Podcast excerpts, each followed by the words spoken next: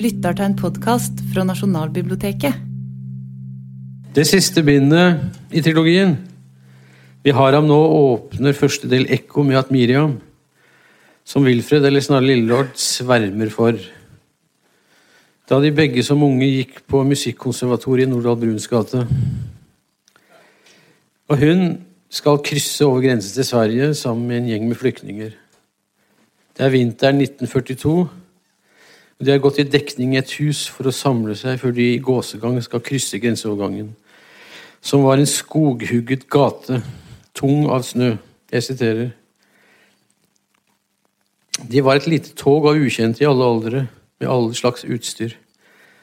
Her var slitne menn i filthatt og si vinterfrakk, kvinner i pels og et par yngre mennesker i klossete sportsutstyr. De bar uhåndterlige kofferter for de eldre og svake foruten sine egne ryggsekker. De venter for å trekke pusten. Mange er allerede slitne og har blitt fraktet til grensen. De har, blitt, de har vært på flukt i elleve døgn, og de venter innomhus uten å få noe varmt å spise ettersom de ikke får lov til å fyre opp. De spiser tørr mat, og de venter i spenning all den stund ryktene som er i omløp, ikke er av de beste.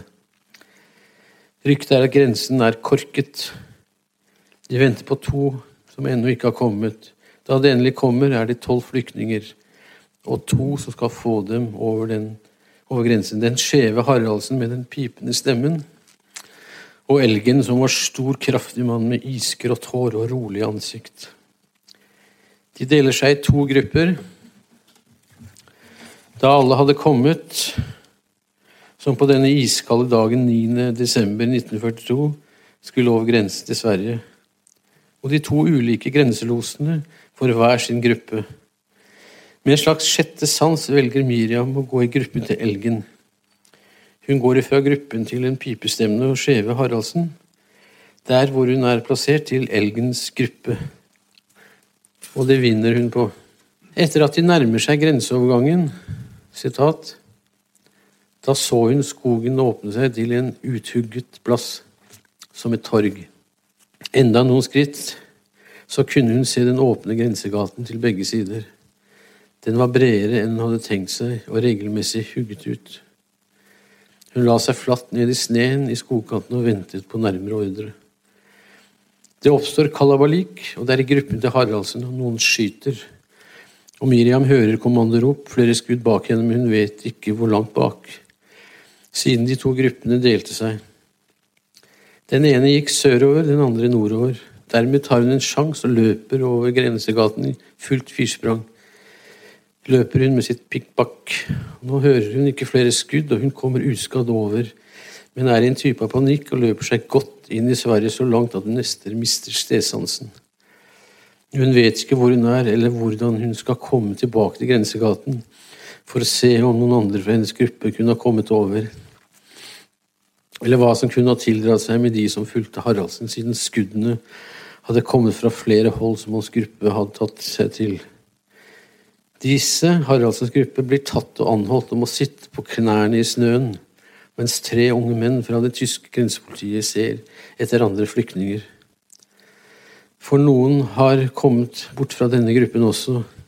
Da kommer en fjerde skikkelse i en uniform med ukjent distinksjoner. Han kommanderer de tre tyske grensepolitimennene. Rett ut fra skogen kommer han, og vi aner hvem det kan være.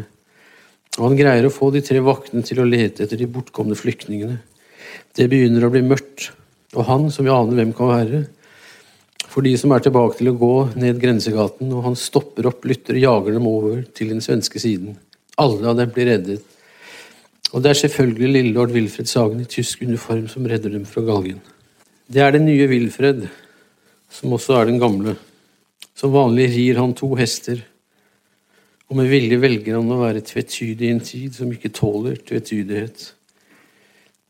Der er regningen enten-eller, og summen er den samme. Det er ikke rom for tvil, og det som er Wilfreds tvil, er å tvile på den gode saks tjeneste, ettersom den for han går mange veier. Han ble venn med en tysk godseier fra Pommern, Moritz von Wagenitsch, som har en usigelig kjedelig kommando i en tysk befestning ved Oslofjorden. og som er mer opptatt av å drikke Moselvin enn å diskutere hitlerismen. Det er heller ikke Wilfred opptatt av. De er begge to opptatt av å snakke seg imellom om hva de har til felles, begge to som ekstreme individualister i en tid som forlanger det motsatte. Dermed spiller de begge på de to hestene som drar i hver sin retning. Men før det skjer, så håper de på et slags mellomspill. For det går ut et bud fra det høyeste holdet, sitat, som Moritz hadde latt ham forstå. Man kunne få brukt for å ha den slags personer gående, dem med kontakter til begge sider. Det er noe av dette som Wilfred benytter seg av. Bare at vi får ikke vite hvor mye Wilfred forteller Moritz von Wakenitz, eller vice versa. Sitat. Hva hadde Moritz å vinne ved en krig? Han hadde et gods nede i Pommern. Han var rik, altså truet. Han var en forfin spiller uten den platte ensidigheten de priste så høyt. Moral så var det vel slik at man hjalp en åndelig slektning i en knipetak. Og Det er litt av en knipetak han hjelper sin kongeniale bror ånden ut av. Det er ikke som Judas et forrædisk kyss på en av hans fortrolige venner sin. Så har vel ikke Wilfred så mange fortrolige venner å forråde. Snarere mange banale kyss gjennom flere vinternetter, ettersom Wilfred skaffer den tyske godseieren en dame som om vår helt er blitt en hallik og ikke en dame fra de bedre klasser som de begge kommer fra, men citat, en fra jungelen, hvor de holdt til, de forakte de moralløse og likegyldige, de som var uten fedreland, ble det sagt. Det er Marty som Wilfred så å si har skaffet til veie, som en Alfons for den tyske godseieren. Hun har tatt på seg den besværlige rollen å spille intetanende og kommende tyskertøs. Wilfred og hans kongeniale bror i ånden er grusomme mot henne. Hun spiller opp til det ved å være utspekulert naiv, eller rett og slett med talent om å være naiv av legning. Men den tyske godseieren er en erfaren kyniker. Sitat. I en betydningsløs stilling han neglisjerte mer og mer av ren kjedsomhet. Hun, et svakt kar, svak for smiger og livets goder, men aldeles ikke uten redelig indignasjon på vegne av sitt krenkede fedreland. Sitat slutt. Det å være indignert på vegne av sitt krenkende fedreland er noe som de to åndsbrødrene ikke slutter å raljere over. Og det rammer Wilfreds venn Robert. Og Wilfred slutter ikke å irritere seg over Roberts plutselig store fedrelandskjærlighet. For hvor var den under jobbetiden? Eller hvorfor kom den først nå, ikke før? Dette er slutten av året 1942, og vi vet ikke hva som har skjedd før de to årene innen, som om det har tatt ved lukte av tysk tap og at krigen vil komme til å ta slutt, og det er på tide å være på rette side når de allierte kommer. Og vi møter Robert og hans krigstrette hode det han treffer Wilfred mot Roberts vilje i en dekkleilighet. Og Robert tviler på Wilfred. Det går rykter om at han stripet det. Sitat. Hva visste man til syvende og sist om dette flakkende problembarnet med alle de halvferdige talenter? Til tider nærmest dyrket opp gjennom årene for sin merkverdighet, men innimellom knapt nok hånet, bare glemt som alle de som alle de blir glemt, men ikke ytrer seg, eller som gjør utilatelige rundkast i sin formodene karriere, slik at omgivelsene blir stående igjen med en lang nese for all sin beundring og engivenhet. slutt.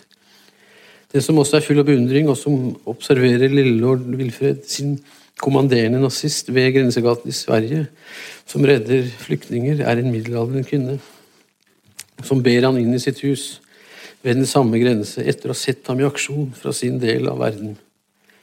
Tildekket inne i skogen ettersom han virker og trenger litt vått og tørt.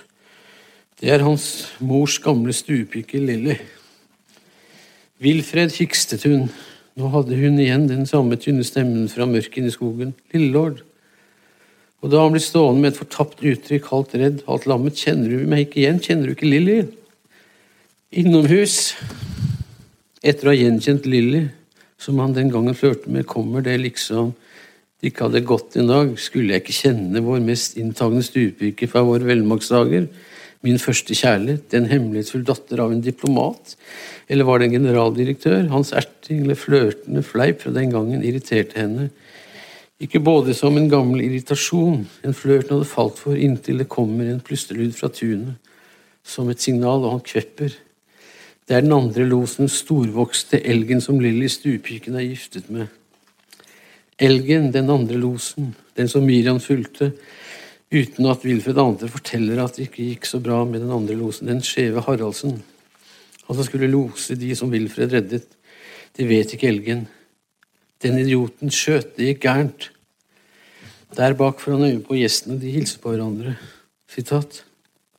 Lilly sto uvisst og så fra den ene til den andre, fra, de, fra han de kalte elgen, hennes stolthet og lykke i alle ting, til hennes ungdoms skakkjørte drømmeprins, den forvarpede englebarnet som hadde gjort henne usikker med alle sine ord og påfunn, men som hun gjemte et bilde av et eller annet sted i sitt hjerte, eller hvor det var, et bilde det hendte hun tok frem i sine ensomme stunder, på det øde småbruk hvor hun levde sitt liv. Sitat slutt. Elgen hilser på Wilfred. Han ligger tilbake med sin venstre hånd. Siden vi møtte ham, har han mistet sin høyre hånd. Altså Wilfred. Det var i Paris sammen med Miriam da han reddet barn på en karusell og bruker protese. Under krigen går det rykter om en fæl norsk nazist med protese, og Elgen vet om disse ryktene. Jeg er på tå hev med en gang han hilser på Wilfred.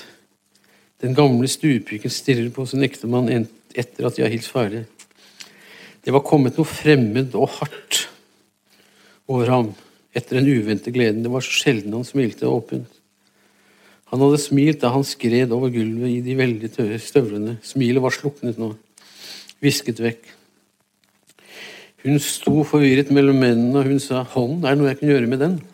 Senere om kvelden,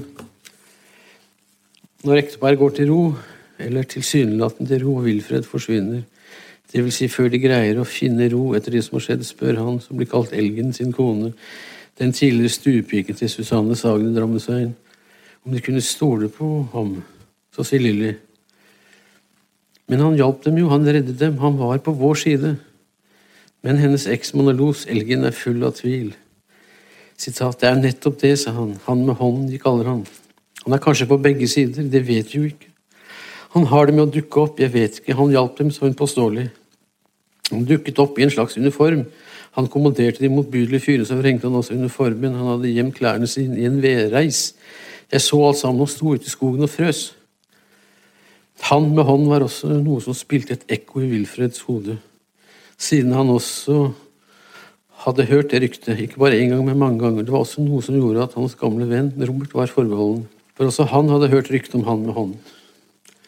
Og Wilfred har en svært synlig protese.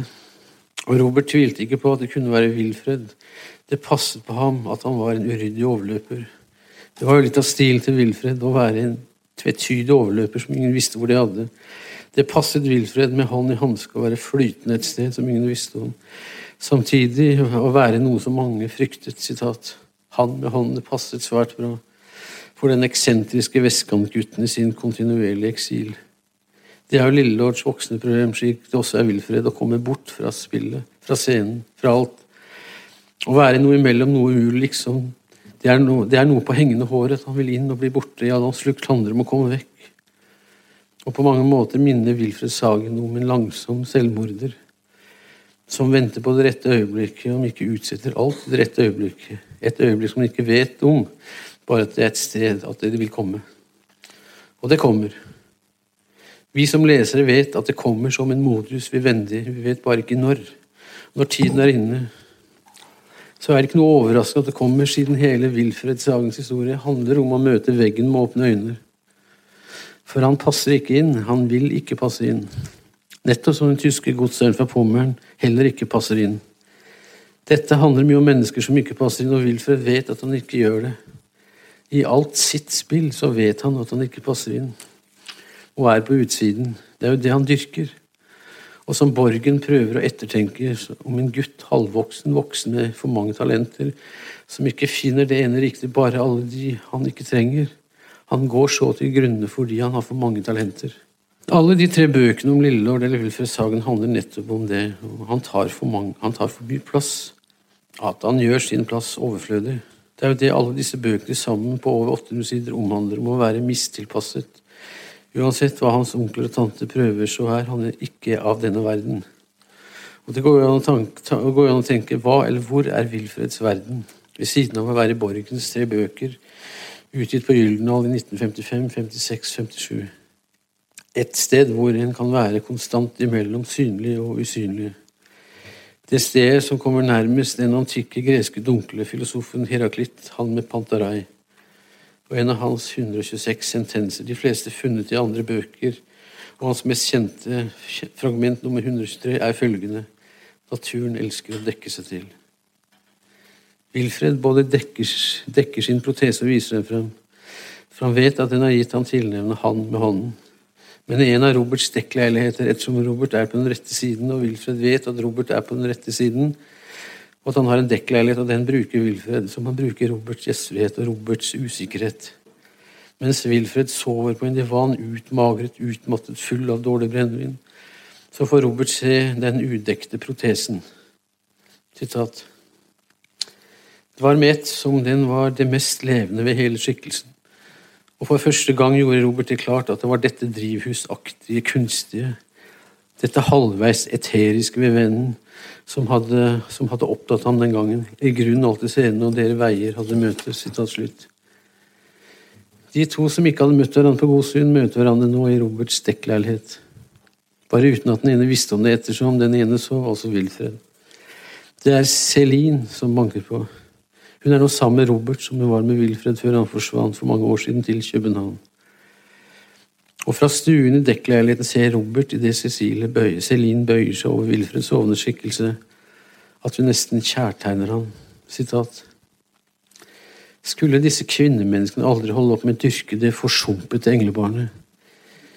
Ikke at han følte seg synlig fest ved henne lenger, skjønt flott var hun, glitrende i den lastfulle uskyld som var i slekt med ham der inne. Herregud, disse dobbelt, dobbelt menneskene. Sitat slutt. De ga rykter om Wilfreds købnikade ved den svenske grensen. Han er ikke nevnt ved navn, men ryktene går, og julaften 1942, sammen med Robert og Celine, ender Wilfred og Robert i en krangel om det å velge den rette siden. Om å ha rett, siden det også er en type av idealisme, tror Wilfred og utdyper. Sitat, skal jeg si det er min mening? Er disse idealistene dine meget farligere? De er, som, de er på forhånd frikjent for alle ødeleggelser de avstedkommer. Så kommer det fra Robert. Du synes formodentlig en sånn episode som den ved grensen også bare er fakter og fedrelandske bedre. Nei, nei, ikke lat som ikke hørte det. En kar som dukket opp i uniform og befrir en gjeng med jøder midt foran nesa på grensevoksne. Stakkaren skal forresten være knepet og pint i hjel. Her er det mange ting som møtes, og under en okkupasjon er det mye sladder, og rykteflommen er konstant. Og det at Wilfred spiller med begge partene, er så på kanten at han lever et farlig dobbeltliv.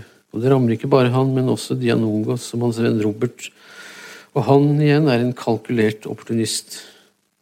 For der Wilfred er ærlig om sin egen uærlighet, så er ikke Robert heller, for å si det med Robert. Det er samme kveld, og Celine maser om hånden. Gi faen i hånden, sa Robert brutalt, det er ikke den vi snakker om. Deretter kommer en slags taus bekjennelse fra Wilfred. Som om Robert satt og tolket en stum tilståelse ut av han. Det er en tenk liksom-bekjennelse på nesten tre sider. Den er litt pussig, den også. Ja, jeg er en nazist av hjerte. Det vil si en som forakter mennesket, og jeg forakter deg som hos meg sitter av denne ene grunnen, men noen mennesker er til for å herske. En av de er mennesker, for de snur sitt slaveskinn på vrangen og gjør seg herskende, og du vet og jeg vet det, og faen ta ditt usle bidrag om et menneskes iboende verdighet fordi det går på to. Resten er et rasende innlegg som ikke bare innbefatter Wilfreds spill på å være den som befinner seg mellom de som okkuperer og de som blir okkupert, men også hans tidligere forhold til Celine og hennes forhold, fortsatt forhold til ham. Ifølge Roberts rabiate fylletankeprat en solid bakrus og, som det står, på grunn av billig brennevin og dårlig brennevin, så mer om de som fornekter okkupasjon, og som fornekter at det finnes ærlig gode patrioter og ikke søvngjengere som Wilfred. Det snur like før slutten etter en kort mellomperiode hvor, hvor, de blir beskrevet i sin ordløse alkoholiske dramatikk, mens de stirrer åndt på hverandre, for da, vil, da, for da får vi Wilfreds liksom-svar. Hans ordløse svar etter det som står en tilståelse raseri uten ord. Og hvorfor skulle du ikke ha rett, du og dere rettenkende? Hva godt kan det komme av forakt, ny forakt? Og hvilken hengivenhet, hengivenhet er ditt menneske verd? De som gjør seg til herrer, de som gidder. De gjør seg til herrer, så kan dere sitte der og være mennesker og høre pisken hvine. Jeg, jeg gir faen med fett på hersker og kryp. Men mitt hjerte er hos herskerne, mitt sinn for den ene som er uten hensyn, og verden er hans, og ikke de forpyntes og de fortryktes hvis lengsel han har utløst. Det går an å spørre hvem hører vi her? Er det Roberts enetale eller bekjennelse og deretter Wilfred satt i kursiv som for å øke graden av ja, hva da? For det står også etter Wilfreds stumme tale. Robert sa, når ble du slik? Utmattet av ord som ikke blir sagt, ble, man er. Sitat, De hadde funnet en novelle av Kafka igjen, disse som finner sånt. Det var en situasjon fra et av disse drømmelandene, om noen soldater fremmede, og et fremmed tungemål. Det som, for, det som forhekser folk, er særlig tennene på disse soldatene. De er så synlige, så mange. Hva er dette? Det er satt i Førstein som om det er Wilfred som svarer Robert på hans 'Når ble du slik?'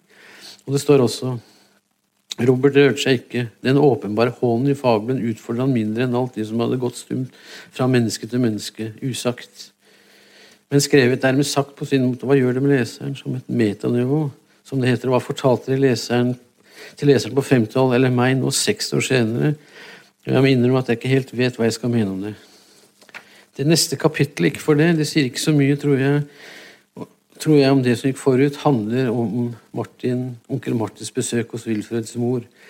Onkel Martins yngre søster Susanne. Og han er der for å snakke om den bortkomne sønnen Lillelord. Som onkelen er verge for. Som det går Som om det gir han rett til å hakke på sin søster etter å ha dukket ned i hennes gammeldagse badekar av et pjolterglass. Full av ekte whisky begynner han å spisse samtalen inn mot sin nevø hennes bortskjemte sønn og denne nevøens renkespill, og som av noen ble omtalt som rett og slett en landssviker, siden han omgås med de tyske okkupantene. Men det går dypere, for å si det slik. På grunn av hans malerier og noen uleselige bøker som Wilfred har skrevet, og av alle sin fikk utgitt. Det er mer fart i onkel Marts raseri over Wilfreds maleri og bøker enn over at han som, som nevø er en potensiell landssviker. Sitat. Her kommer en fusentast av en dagdriver, dagdriver ja, tilgi meg, Susanne, men la oss kalle tingene ved det rette navn, og bløffer seg. Først en slags liten berømmelse, og så slag i slag, som en ren skandale som til og med går, hans, går ut over hans nærmeste. Dette er den borgerlige reaksjonen ved å kalle det, som hans onkel tror, ved sitt rette navn, at Wilfred er en fusentast. Og det er mer hans fusentasteri som opptar onkel Martin, enn at hans nevø er overløper med den grusomme betegnelsen en landssviker. Det er Wilfred Fusentasteri som opptar onkel Martin. Så den lille familiens ve og vel, og at hans lillesøster tror på sønnens smørerier. At hun tror på Wilfreds Fusentasteri, og ikke ser at det han driver med, kan være skadelig.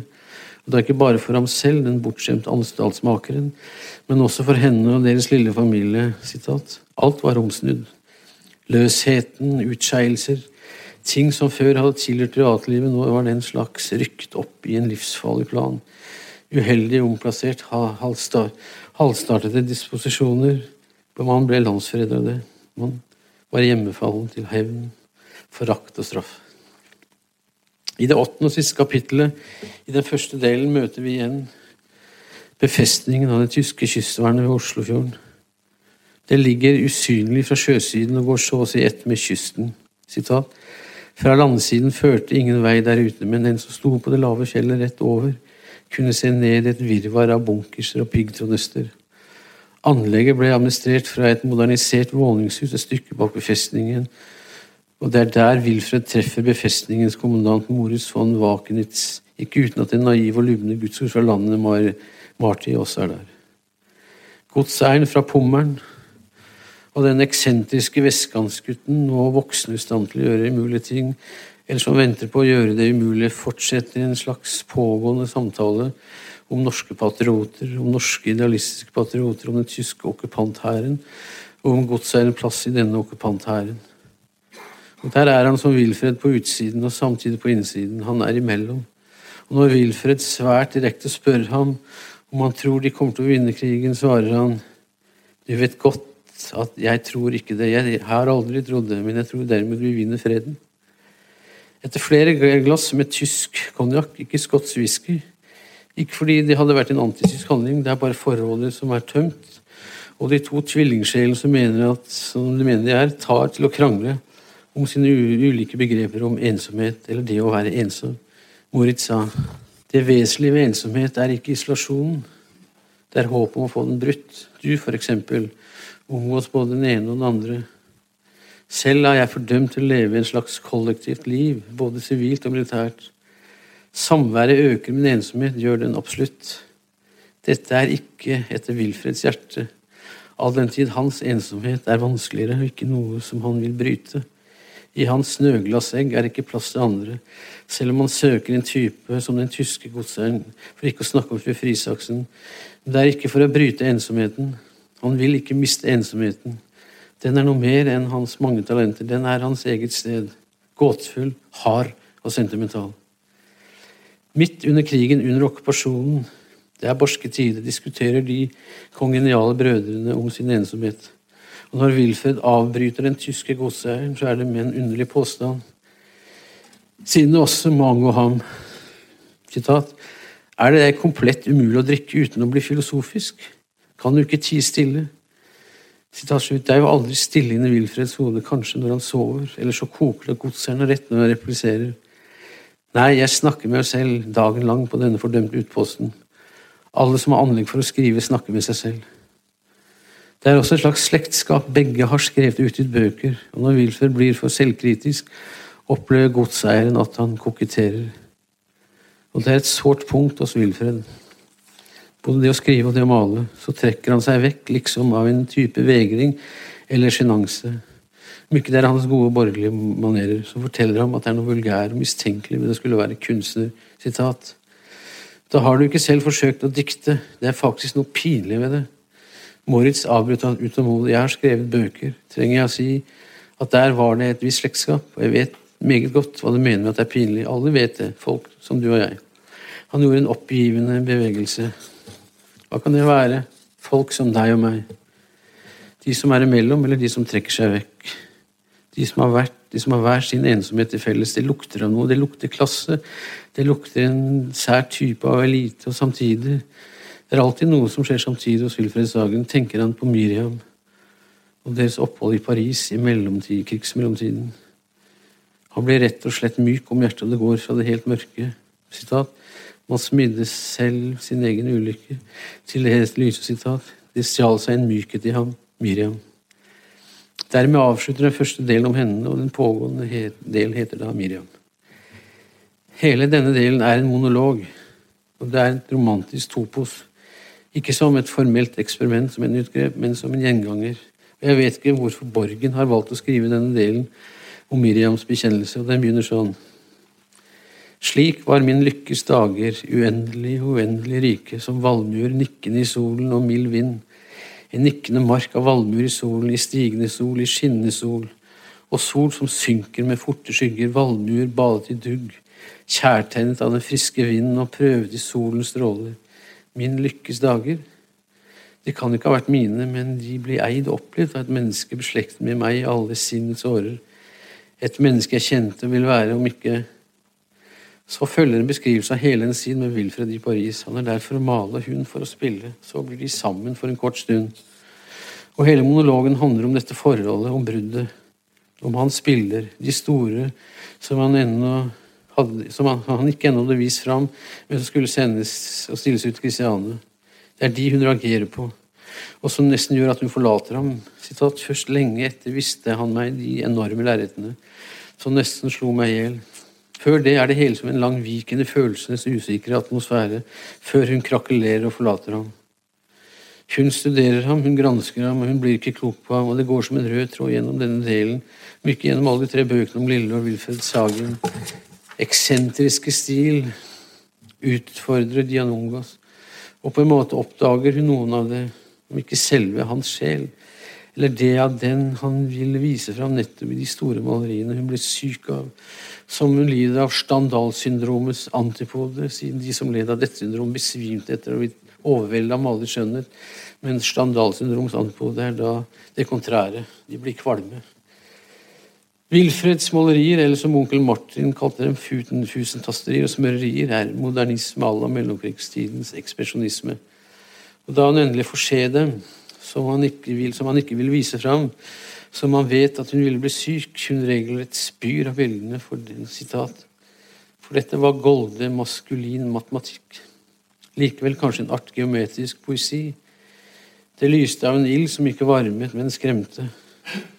Her var krampaktig stivnede visjoner av et eksploderende univers. Sirkler, sirkler, grønne og oransje, sorte sirkler. Lik slokte soler, sirkler brutt av rått inntrengende vinkler og triangler. Og skygger uten gjenklang av kjente farger, jagende hverandre i en slags statisk rotasjon som ville bringe selve sjelen til undergang uten opphør, og dette demonstrative formatet.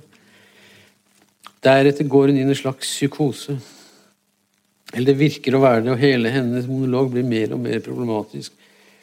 Det dukker opp en skikkelse, en drømmeaktig skikk som hun kaller for Miranda, musikkens dronning, og blir et alter ego for Miriam, men istedenfor å virke patologisk, blir det mer barnslig og platt, og det kler Borgen dårlig. Jeg fatter ikke hvorfor han oppfant denne skikkelsen for å fortelle om at Miriam flykter fra Wilfred for å bosette seg i sitt eget hode, og der overvintrer hun svært lenge. Det er denne delen av boken vi får øyenvitnende skildring fra det stedet hvor Wilfred mister sin høyre hånd i en ulykke. For å redde en liten jente fra å falle under karusellen griper han etter henne siden kjolen hennes setter seg fast i karusellens omdreiningsakse. Sitat han måtte lirkes, han måtte lirkes ut. Armen var klemt fast langt der inne i hjulene, under noe skarpt og hardt som fortsatte å surre. Men det var ingen hånd der hvor den høyre armen gikk ut i blod, i blod og filler fra jakkeermet, og en liten gjenstand av metall, noe av mekanismen som hadde skrudd seg inn i kjøttet. Slutten på den andre delen peker fram mot krigen etter at Miriam ble reddet over grensen, ikke pga. Wilfred, men det hjalp at han bedrev sitt spill, som han ofte gjør. Og hun venter på ham i en av Roberts dekkleiligheter i Pilsredet. Da har det gått 20 år etter det som skjedde i Paris. Sitat. Jeg sitter på hans værelse nå, et rom i Pilstredet, jeg venter på han. Han vet ikke, men han kommer nok, for jeg vil at han skal komme. Det må gå an å finne frem en gang for dem som bare har gått seg vill. Men har Wilfred gått seg vill? Det er jeg ikke helt sikker på. Det er ikke så lett å si hvor eller hvem som gikk feil, siden Wilfred konstant velger feil. Ikke feil i hans øyne, men feil i onkel Martins øyne, hans mors øyne, selv om hun tilgir ham over en lav sko. Det er noe akkurat der, de mange damenes blikk på Wilfred. Det er de som holder en hånd over ham, og denne hånden denne kvinnelige hånden legger til rette et annet blikk på Wilfred, og som Robert, som eier eller låner dekkleiligheten dit Wilfred er på vei, tenker etter å ha møtt fru Sagen, sitat, da han fikk et hemmelig bud og møtte henne i leiligheten på Drammensveien, hender vridende, ja, nettopp vridende sine pene, hvite hender, som aldri hadde gjort et dags arbeid. Et forpint og ensomt stykke mor, selv forkjælt og alltid forkjælet av et barn som ikke hadde vært et barn da han var det, og ikke voksen siden. Det er i denne siste delen som har den samme tid som boken vi har om nå, og det merkes at Wilf, på Wilfred at det tar på å være flakkende mellom sine ulike venner og like ulike fiender. Om han ikke bare er mellom fiender på hver sin side, ettersom han ikke stoler på godseieren fra Pommern eller den gamle jobber Robert, som allerede tenker på å få ham angitt. Sitat. Fyren var overhodet ikke verdt å redde. Selv tok han ikke noe initiativ, for og flakket uten mål i et eller annet landskap hvor han trodde seg sikkert, eller hvor han nettopp ga faen i om han visste noe som helst. Denne gangen, som sikkert ikke er første gang, har Wilfred med seg tysk informasjon som Robert og hans illegale venner kan få brukt for, og der om den gamle stuepiken Lilly og hennes mann, grenselosen Elgen. Sitat. Husk nå det med den unge studenten jeg nevnte. Han har hjulpet noen jøder. Nei, det er ikke noe å spørre om. Han var kanskje den helten dere snakket om den vinteren, han med grensen. Han har tjent sin tid, la han gå over grensen. La han ta med seg Lilly og hennes mann, inn de kaller Elgen. Du kan sørge for dette i kveld, ikke i natt. De gir faen i hele grensen, og de går mot slutten, sier jeg deg jo. Han blir i dekkleiligheten en kort stund og forlater en grythylle for å rekke et tog. Han skal besøke sin tyske bror i ånden og reiser ned til Drøbak. Det blir en hyllest til den norske våren, og Borgen blir svært lyrisk når han formidler Wilfreds indre jubel. Men vi vet hvorfor han er så tindre og måte glad. Men vi vet ikke hvorfor han er så tindre umåtelig glad. Sitat. Denne ukjente lykkefølelsen fra det fremmede bar ham fram. mellom lave knauser mot sjøen, tålmodig overskyllet av dovne morgenbølger, kjærtent hver slikkende sten med sin svale tunge. Og fra den andre kanten fra land, den eh, krydrete duften, denne nynnende og spirende grønn, denne friske damp av mager mose over klippers ferdige form. En gang skuret av is til porselenglatt rundhet i hver minste bue, brutt av brå, sprekte hans hvor grønt og gult vegetasjon klort seg fast. Han treffer omsider godseieren etter å ha lett etter han i huset bak befestningen. Uten at han er å finne så går han til befestning, treffer han på det åpne stedet ved sjøsiden. Og som ikke kan se fra landsiden, godseieren er allerede beruset på tysk moselvin og tysk konjakk. Han er i et elendig humør. Og han forteller at gudsordet fra landet Marti har stukket av som om hun hadde begynt å tenke på okkupasjon heller enn tysk hvitvin og tysk sprit. Liksom hun har våknet opp og forflyttet fra å være et gods fra landet til å bli noe annet. Noe godseieren ikke kunne like, og han er i så lugubert humør at han trekker fram sin revolver. Han legger den på bordet mellom seg og Wilfred, som øyeblikkelig aner fare. Om nå våpenet simpelthen var uladd, om all denne affekterte provokasjonen bare var iscenesatt for å friste ham til avgjørende dumhet, det gjør han ikke. Han bare griper etter sitt glass og det samme gjør Moritz, og da er de like langt i sitt uendelige spill før den tyske godseieren igjen løfter pistolen, og Wilfred kaster seg over ham for å gripe etter revolverhånden. Men for sent ettersom Moritz skyter seg selv inn det høyre øyet. Og det er selvmord med vitnet. Vitnet er Wilfred, som ett står med revolver i hånden og må stikke av for ikke å bli tatt for å ha drept befestningens kommandant. Han stikker av seg revolveren, og den lykkefølelsen han hadde på vei ned til den tyske befestningen, dukker opp på nytt, som han må føle seg jaget for å kjenne denne lykkefølelsen. For hvis noen er ute etter ham, så dukker den opp. Eller virker som den dukker opp når Wilfred blir jaget så intens. Jaget så inntil denne følelsen av lykke. Som han da blir sett, om det ikke er da han får tynne nerver og kjenner at alt på hans uærlige kropp innvendig og utvendig blir fylt av en slags ærlig salighet. Flyktning, det var først nå, denne absolutte flyktning for hvem der ikke fantes nåde. Tanken fylte han med henrykkelse. Han la kursen mot land. For første gang i livet kjente han seg helt alene. Hvorfor oppstår denne lykkefølelsen når han er utestengt, når han er utsatt? Det skjer konstant med Lillelord og med Wilfred, enten han blir forfulgt av politiet i Kristiane, eller røvere, som i andre bok, så dukker dette temaet opp, å være henrykket under press, fratatt av at han møter Hamsun i skogen og kommer da nær det å være lykkelig uten å være på flukt. Alt ligger jo klart for Wilfred i Norge i årene 1940-45, som det kunne vært skrevet for ham. Den tyske okkupasjonen er jo skreddersydd for ham, ettersom han da kan være på to steder samtidig. Det er jo det som skjer, og Wilfred spiller sin rolle med glans ved å være både krigshelt og forræder i samme slengen. Hvorfor er det det han vil på uavklarte steder? Hele livet hans handler jo om å komme dit hvor det umulige oppstår. Det er ikke bøkene, det er ikke maleriene, det er ikke hans erotiske erobringer. Alt dette er underordnet det å komme til et umulig sted. Og det, stopp, og det topper seg da han ankommer Deklarert. Robert treffer Miriam. Og mange ting følger ettersom han blir omringet og tar glassegget med den ene hånden og revolveren med den andre. Sitat. Det for gjennom ham at ennå visste han ikke om den var ladd. Han hev den mot hodet mens han så henne stå der og se ut. Han så ryggen rette seg nå. Hun hadde sett at de kom, han hørte skritt i trappen dypt nede. Han prøvde å avtrekke nølende. Hun for tilbake fra det åpne vinduet, som selv skutt. Så, la hun over han, så, la, så lå hun over ham på gulvet foran sengen, famlet over hodet med begge hendene, ene eggen, den andre med våpen i røk ennå. Altså, det er noen sider til, en slags epilog, men det gidder jeg ikke, så jeg sier takk for meg.